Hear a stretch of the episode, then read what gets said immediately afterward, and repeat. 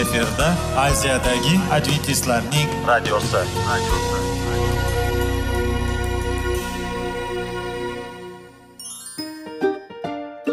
assalomu alaykum aziz radio tinglovchilar. Sog'liq daqiqasi rubrikasiga xush kelibsiz. Zero tananing sog'lom bo'lishi va uning kasalliklardan saqlash har bir insonning burchi hisoblanadi. Inson uchun bebaho boylik bu sog'liq salomatlikdir. Uni asrash esa har birimizga omonat qilib berilgan. Shuning uchun ham inson o'z sog'lig'ini ehtiyot qilishi va ajib amallardan hisoblanadi. Dono xalqimiz sog'liq tuman boylik deb bejiz aytmagan. Aql idroq sohibi bo'lgan inson o'z hayotini qadrlashi lozim bo'ladi. Hozirgi kunda qanchalik dori darmonlar ko'paymasin tibbiy muassa sifati shifokorlar vasiyasi tibbiy texnika yaxshilanmasin. Agar insonning o'z salomatligi haqida qayg'urmasa kutilgan natijaga erishib bo'lmaydi va biz sizlarga bizning dasturimizga xush kelibsiz deymiz.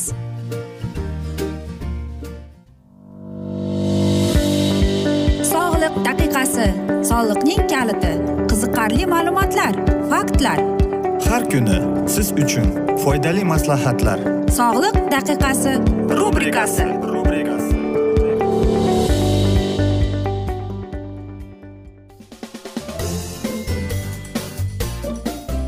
assalomu alaykum aziz radio tinglovchilar. Dasturimizga xush kelibsiz va biz sizlar bilan tana va sog'liq degan dasturda xush vaqt bo'ling deb aytamiz. Va bugungi bizning dasturimizning mavzusi qo'lning yelkadan tirsagacha og'risa nima qilish kerak deb nomlanadi yoki uning alomatlari qanday deb.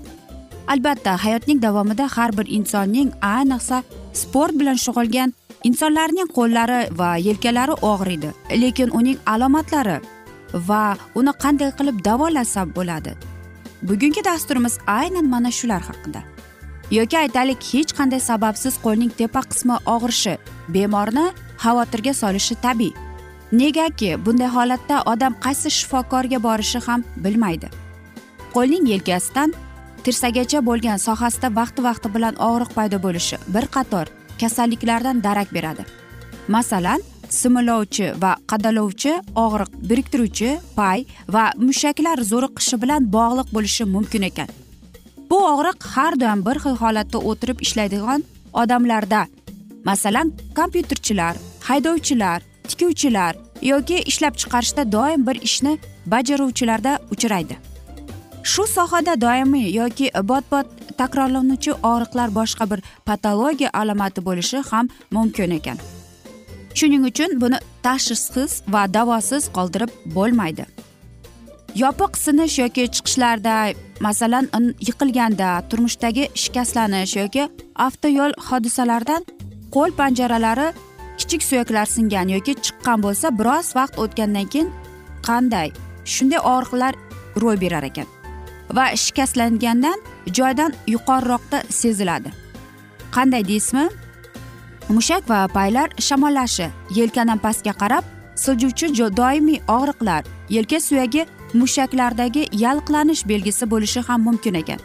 Bunday og'riqlar bemorga qo'llarini harakatlantirishga qo'ymaydi. Qimirlaganda og'riq kuchayadi. Yelka nerv e, bu nervi bu nervologiya bu hisoblanadi. Bu qo'lning tirkasidan yuqori qismdagi og'riqning asosiy sabablaridan biri. Bunga yelka nervning shamollashi yoki qisilishi aybdordir. Ushbu holat qattiq sovqotish yoki umurtqadagi muammo tufayli paydo bo'ladi. Nerv shamollashi bilan og'riq bu nevrologiyada tinch holatda ham og'riq to'xtamaydi. Yoki bo'yin umurtqasi ya'ni ostexandroz umurtqalar aro ichi bu disk cho'rasi va shunga o'xshash umurtqa kasalliklarida og'riqli hissiyotlar boshni burganda qo'lni ko'targanda yoki gavdani aylantirganda boshlanadi. Bug'um kasalliklari yelka bug'um artrozi yoki artrit ham yelka qo'l sohasida kuchli og'riqni chaqiradi. Bunday kasalliklarda kunning ma'lum soatlarida yelka bo'g'imida harakat cheklanishi va og'riq kabi alomatlar kuzatiladi. Tomir patologiyalari ayrim kasalliklar yelka tirsak sohasidagi qon tomirlar yalliqlanishi va strofiyaga olib kelishi mumkin ekan. Bunday holatda og'riq harakatlanganda boshlanib asta sekin kuchayib boradi va bora bora doimiy tuz oladi. Tuz yig'ilishi mushaklar va paylarda tuzlar yig'ilishi ham shu sohada og'riqqa olib keladi. Bunda qo'lni orqaga bukkanda ko'targanda va qo'l bilan aylanma harakat qilganda og'riq kuchayadi. Ichki a'zolar kasalliklari ham ba'zan yelkadan pastga qarab ketiruvchi og'riq va a'zolar xastaliklarida xususan yurakning ishemik kasalligi o'pka xastaliklari va boshqalarda kuzatiladi. Nima qilmoq kerak deysiz? Qo'lning yelkadan tirsagacha sohasida og'riganda malakali yordam olish uchun avvalo mutaxassisga uchrashish kerak. Shifokor qabuliga bormaguncha og'riqni yengillashtirishda quyidagi usullar qo'l beradi. Qo'lni ko'p qimirlatmasdan bo'shroq qilib bog'lash yuk ko'tarmaslik qanday holatda og'riq to'xtasa shu holatda ushlab turish. Uxlaganda umurtqa va qo'l to'g'ri joylashishiga balki yostiqchasiga qo'yish yoki yuqoriga ko'tarib yotish bu ahamiyatga judayam e, muhim ekan. Agar mushak cho'zilishdan og'riq paydo bo'lgan bo'lsa muzli grelka yoki sovuq kompress yordam beradi. Bo'g'im xastaliklari oqibatida kelib chiqqan og'riqda mashqlar yaxshi foyda beradi. Massaj o'zini o'zi uqalash sekin mushaklarni yumshatish og'riqdan xalos bo'lishga ko'maklashadi. Va albatta aziz do'stlar fizioterapiya turli mas va gellar surish isitish muolajalari davolashni bartaraf etib va badan tarbiya qiladi va faqatgina shifokor ko'rigi va aniq tashxisdan keyin qabul qilinadi. Aziz do'stlar mana shunday qarangki albatta biz aytamizki qo'l og'riganda biz nima qilamiz? Albatta og'riq qoldiruvchi dorilarni ichamiz. Lekin ular afsuski bizga bir oz vaqt yordam beradi xolos. Va qarangki bizning qo'limiz og'riganda bu bizga yoqimsiz e, hisni beradi. Shuning uchun ham aziz do'stlar ayniqsa qishning kunida o'zingizni ehtiyot qilasiz. Va muzli joylarda yurishga harakat ham qilmang. Aziz do'stlar bir narsani unutmangki yana doktorlar bizga bir narsani tavsiya etadi. Bu parafin vanna hisoblanadi. Bu judayam kerakli narsadir. Aziz do'stlar unutmang. Biz qo'llarimizga yelkalarimizga ortiqcha og'riqni bermasligimiz kerak. Chunki biz mana shu bilan qo'limizga og'riqni va albatta bor kasalligimizni yana kuchaytirib kelamiz. Va mana shunday bo'g'imlarga yelkalarni biz parvarish qilishimiz kerak ekan. Aziz do'stlar mana shu asnoda biz afsuski bugungi dasturimizni yakunlab qolamiz chunki bizning dasturimizga vaqt birozgina chetlatilgani sababli ammo lekin sizlarda savollar tug'ilgan bo'lsa biz sizlarni salomat klub internet saytimizga taklif qilib qolamiz. Va biz umid qilamizki siz bizni tark etmaysiz chunki oldinda bundanda qiziq va foydali dasturlar kutib kelmoqda va biz sizlarga va yaqinlaringizga sog'lik salomatlik va albatta o'zingizni ehtiyot qiling deymiz. Yuzingizdan tabassum ayrimasin deb xayrlashib qolamiz.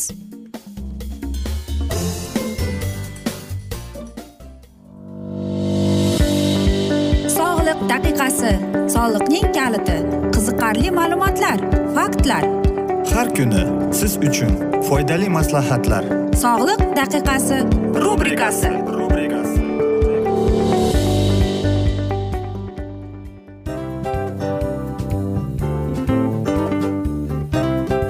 mana ha hayotda hamma narsaning yaxshi narsalar tugaydi va yakunlaydi degandek bizning dasturimizga ham yakun keldi. O'ylaymanki bizning dasturimiz sizga foydali bo'ldi deb aziz radio tinglovchimiz. Va siz o'zingiz uchun kerakli xulosalar kerakli maslahatlar olib oldingiz. Aziz radio tinglovchimiz biz bilan qoling va keyingi dasturlarimiz albatta undanda qiziqroq bo'ladi. Mana shu alfozda sizlar bilan xayrlashib qolaman.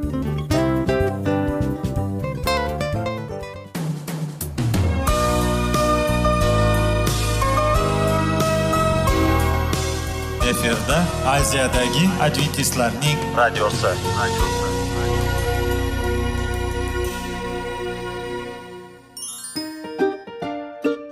Assalomu alaykum aziz radio tinglovchilarimiz. Dil izhori dasturimizga xush kelibsiz. Pul insonni baxtli qiladimi? Albatta yo'q. Sog'liqchi. Albatta bo'lishi mumkindir. Lekin olimlar shuni isbotlashdiki to'liq va mukammal munosabatlar insonlarni baxtli qilar ekan. Albatta biz hayot davomida biz yaqin insonlar bilan odamlar bilan aloqada bo'lamiz va ular bilan munosabatlarimiz qanday kechadi qanday tuziladi? Yigit va qiz er va xotin ota ona va farzandlar va yaqin insonlar bilan. Balkim hozirgi vaqtda kimnidir hayoti yoki munosabatlari buzilyapti. Va bizning dasturlarimiz ularga yordam bo'ladi deb. Va oldinda sizlarni qiziqarli intervyular va mavzular kutyapti va biz umid qilamizki siz biz bilan qolasiz deb.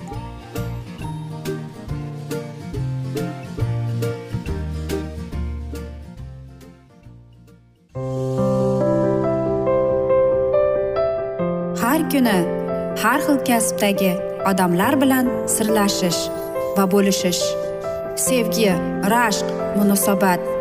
Bularni hammasi dil izhori rubrikasida.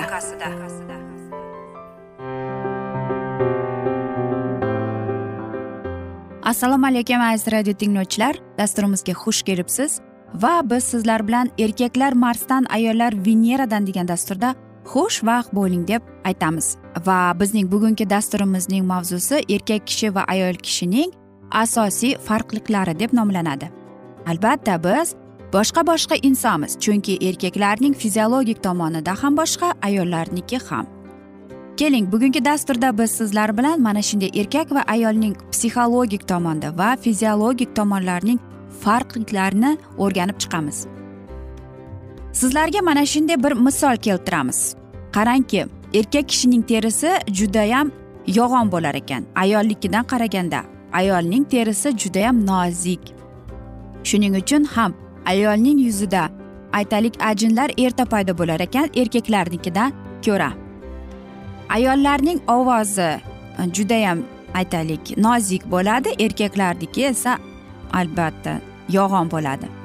Erkaklarning qoni judayam quyuq va ulardagi qon e, tolachalar judayam ko'p ekan ularda yigirma foizdan oshiq ekan ayollarnikidan ko'ra. Shuning uchun ham aziz erkaklarimiz juda ko'p kislorodni qabul qiladi va ko'plab o'zidagi bo'lgan energiya bilan ko'p bo'lar ekan ayoldan ko'ra. Ayol kishining aytaylik nafas olishi juda tez tez bo'lsa erkak kishiniki esa chuqurroq ekan. Va ko'plab erkaklarimizda suyaklari judayam keng bo'ladi ayollarnikidan ko'ra. Ayol kishining skeleti bu erkak kishinikidan kam emas ammo lekin e, aytaylik boshqacha anatomiyasiga bog'liq ekan. Ayol kishining yurishi albatta. Ayol kishining yurishi deganda biz o'zimizga chiroyli yurishlarni ko'zimizni oldiga kelib ketadi. Bu albatta ayol kishining skelet strukturasiga qarab ketar ekan chunki ularning skeleti umuman boshqacha ekan. Va erkaklarning tomirlari ko'pakan yog'dan ko'ra. Va erkaklar ozishga kelganda mana shu narsa ularga yordam berar ekan. Va mana shunday ko'plab tomirlar borligi uchun erkaklarda judayam kuchli va energiyasi bor. Bir tomondan esa ayollarimiz judayam ko'p yog' bilan boy ekan. Va ayollarni ular qishning kunida albatta isitib yurar ekan va yozda esa sovutar ekan. Albatta bu judayam aytaylik ayolga bu yog' qo'shimcha energiya berib kelar ekan. Shuning uchun ham aziz ayollarimiz erkak kishidan ko'ra chidamliroq bo'lib kelar ekan. Va mana shunday fiziologik tomonlarning farqligiga qaramasdan ulardagi ichki dunyosi judayam boy. Bu albatta farqli ammo lekin qanchalik ular psixologik tomondan farqligini bilarmidingiz? Qarang erkak kishi va ayol kishi psixologik tomondan nafaqat e, aytaylik biologiya anatomiyadan farqli. Balkim hattoki psixologik farqliklari ham bor ekan. Masalan hamma biladiki erkak kishidan ko'ra ayol kishining oltinchi hissi judayam boy va aytishadiki ayol kishi ko'nglim sezyapti deb yoki ba'zi bir ayollar e, bexosdan bir narsani aytadi ammo lekin shu narsa sodir bo'ladi. Va albatta mana shuni psixologlar oltinchi his deb aytishadi. Ko'plab muammolar bir biriga bo'lgan aytaylik mana shunday gaplar albatta. Bular birozgina boshqacharoq erkak kishidan ko'ra. Va biz ba'zida aytamizki nega shunday deb? Lekin hayotning va biz qaysi shaharda yoki mamlakatda yashashimizdan qat'iy nazar mana shu urf odatlari ham katta rolni o'ynab kelar ekan.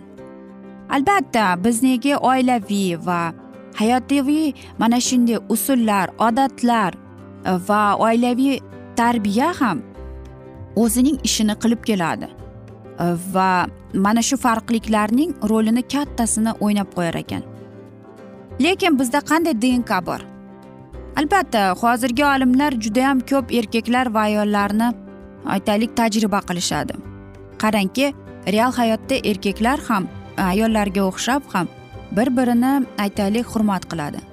Lekin ular har xil va oxir oqibat aytaylik hozirgida feminizm juda ko'payib ketgan yoki aytaylik yigirma birinchi asrda men o'ylaymanki umuman hech narsa bilan hayron qoldirmaslik ham bo'ladi.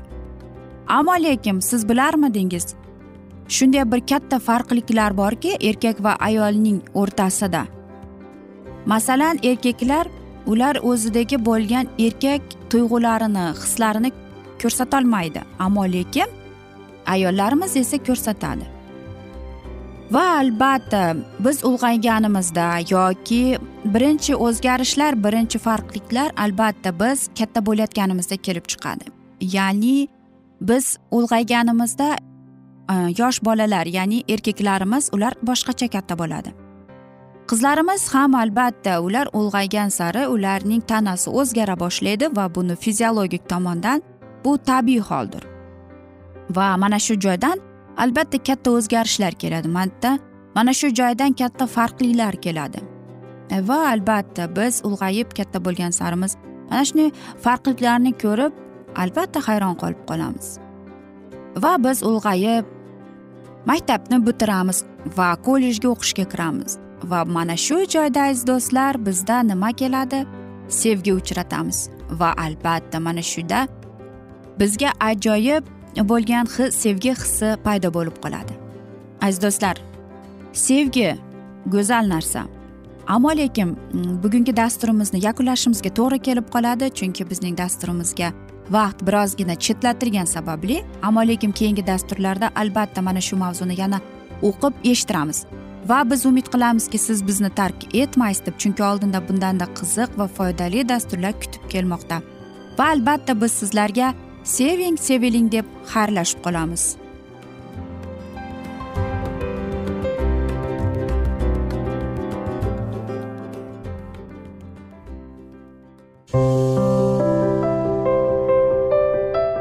Har kuni har xil kasbdagi odamlar bilan sirlashish. Va bo'lishish. Sevgi rashq munosabat bularni hammasi dil izhori rubrikasida.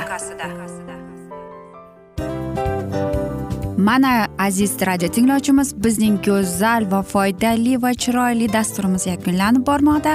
Sizlarga birozgina maslahat berib o'tmoqchi edik. Bir biringizni seving qadringizga yeting va erkalang albatta bir biringizni va sizga judayam chiroyli va mustahkam munosabatlar tilab qolamiz albatta. Sevgilingiz doimo yoningizda bo'lsin. Mana shu borada sizlar bilan xayrlashib qolamiz. Xayr.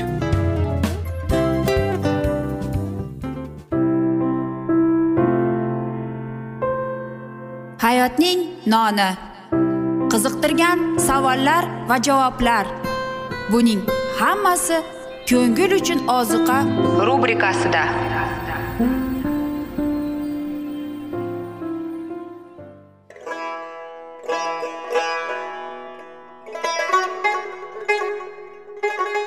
Assalomu alaykum aziz radio tinglovchilarimiz. Ko'ngil uchun oziqa rubrikasida xush kelibsiz deymiz. Siz haqiqatni izlayapsizmi? Olamnimi? Umidnimi? Siz kimga murojaat qilmoqchisiz? Odamlar ko'pincha siyosat kuchiga tayanadilar. Dunyo iqtisodiyoti holati tobora chuqurlashib bormoqda. Tabiiy ofatlar va texnogen halokatlar minglab insonlarning hayotini olib ketib juda katta zarar yetkazmoqda. Sizga abadiy hayot inomini hadya qiluvchi va hayotingizni tubdan o'zgartiruvchi haqiqatni izlab toping. Xudo haqidagi haqiqat uning kalomida mujassamlashgan. Kimki bu haqiqatni butun qalbi bilan izlasa albatta unga yetishadi. Bu sevgi xudoning tarixidir. Hayotingizda yoki sizning yon atrofingizdagi olamda nimalar yuz berishidan qat'iy nazar? Siz ertagi kunga buyuk umid va ishonch hosil qilishingiz mumkin. Hozirda xudo sizga taklif qilayotgan umid ishonchga o'z qalbingizni oching va sizni qiziqtirayotgan mavzularni savollaringizga javoblaringizni topib olasiz deb umid qilamiz. Biz bilan qoling.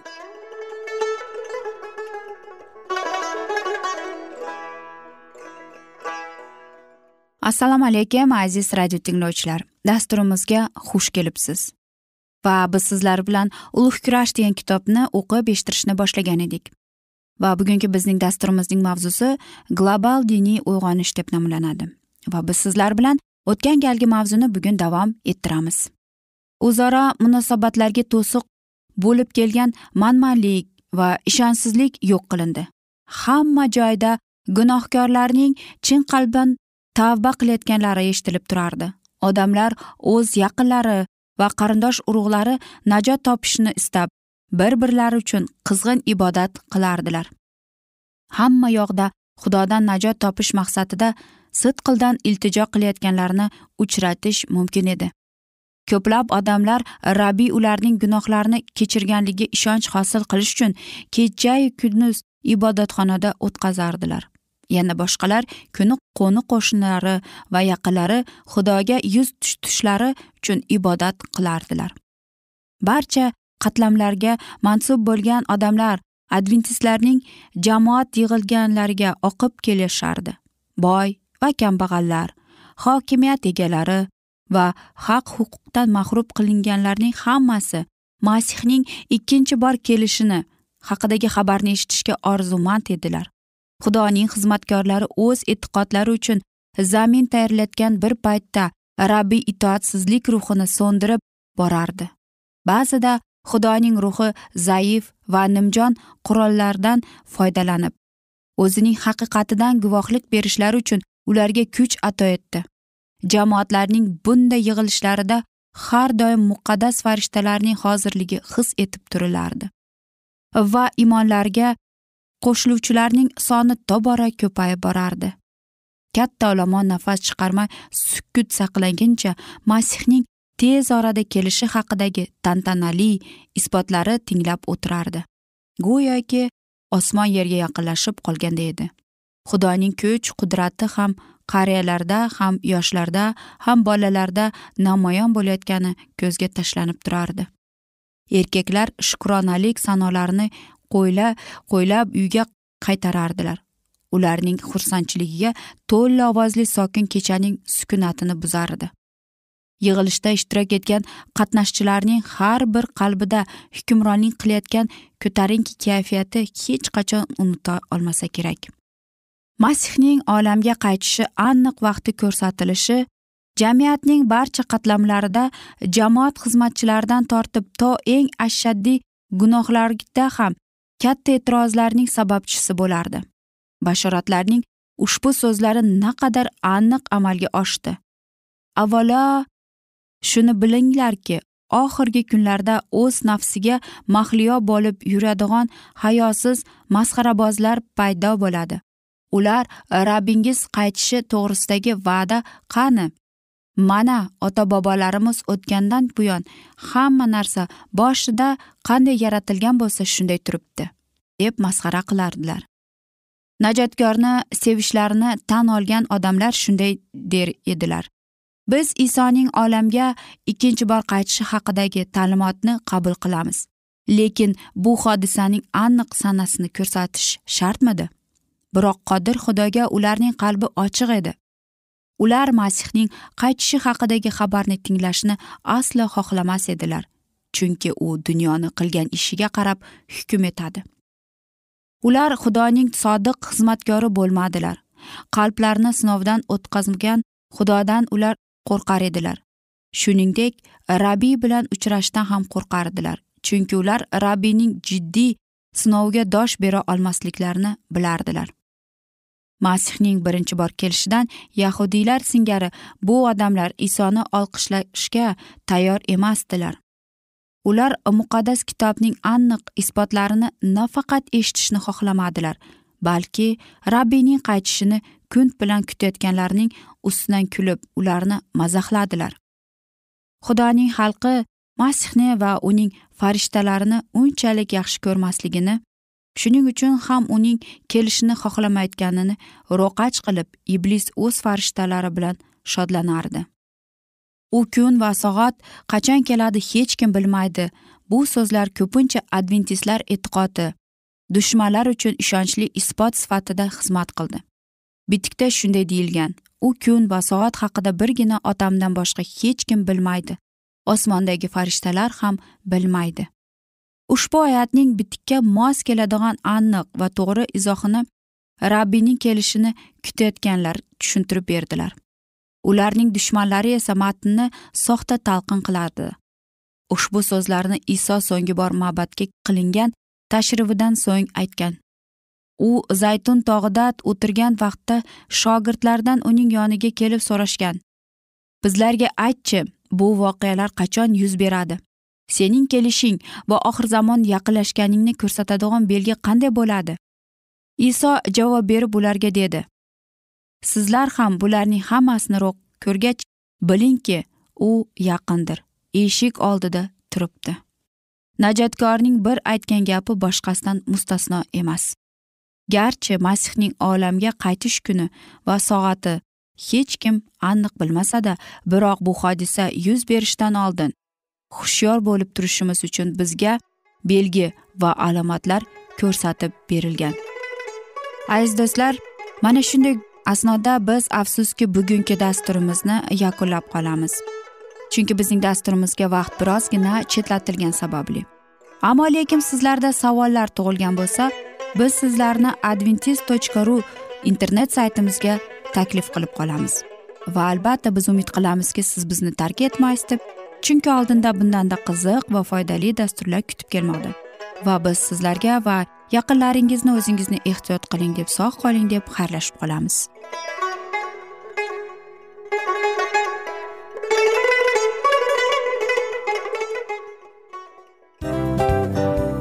A afsus afsus.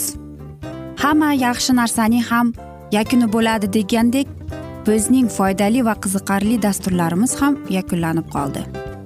Va men umid qilamanki bizning dasturlar sizga ozgina bo'lsada maslahat berdi foyda berdi. Va sog'liq borasida ayniqsa sizlarga foydali bo'ldi deb. Va siz bizning maslahatlarga amal qilasiz deb. Albatta keyingi dasturlarda undanda qiziqroq undanda foydaliroq ma'lumot berishga harakat qilamiz. Undada qiziqroq ko'rsatuvlar sizlarga hadya etishga harakat qilamiz. Bizni tanlaganingizga albatta sizlardan minnatdormiz. Sizlarga baxt omad va sog'liq tilab qolgan holda mana shu alfozda sizlar bilan xayrlashib qolamiz. O'zingizni ehtiyot qiling sog' bo'ling omad sizga xayr.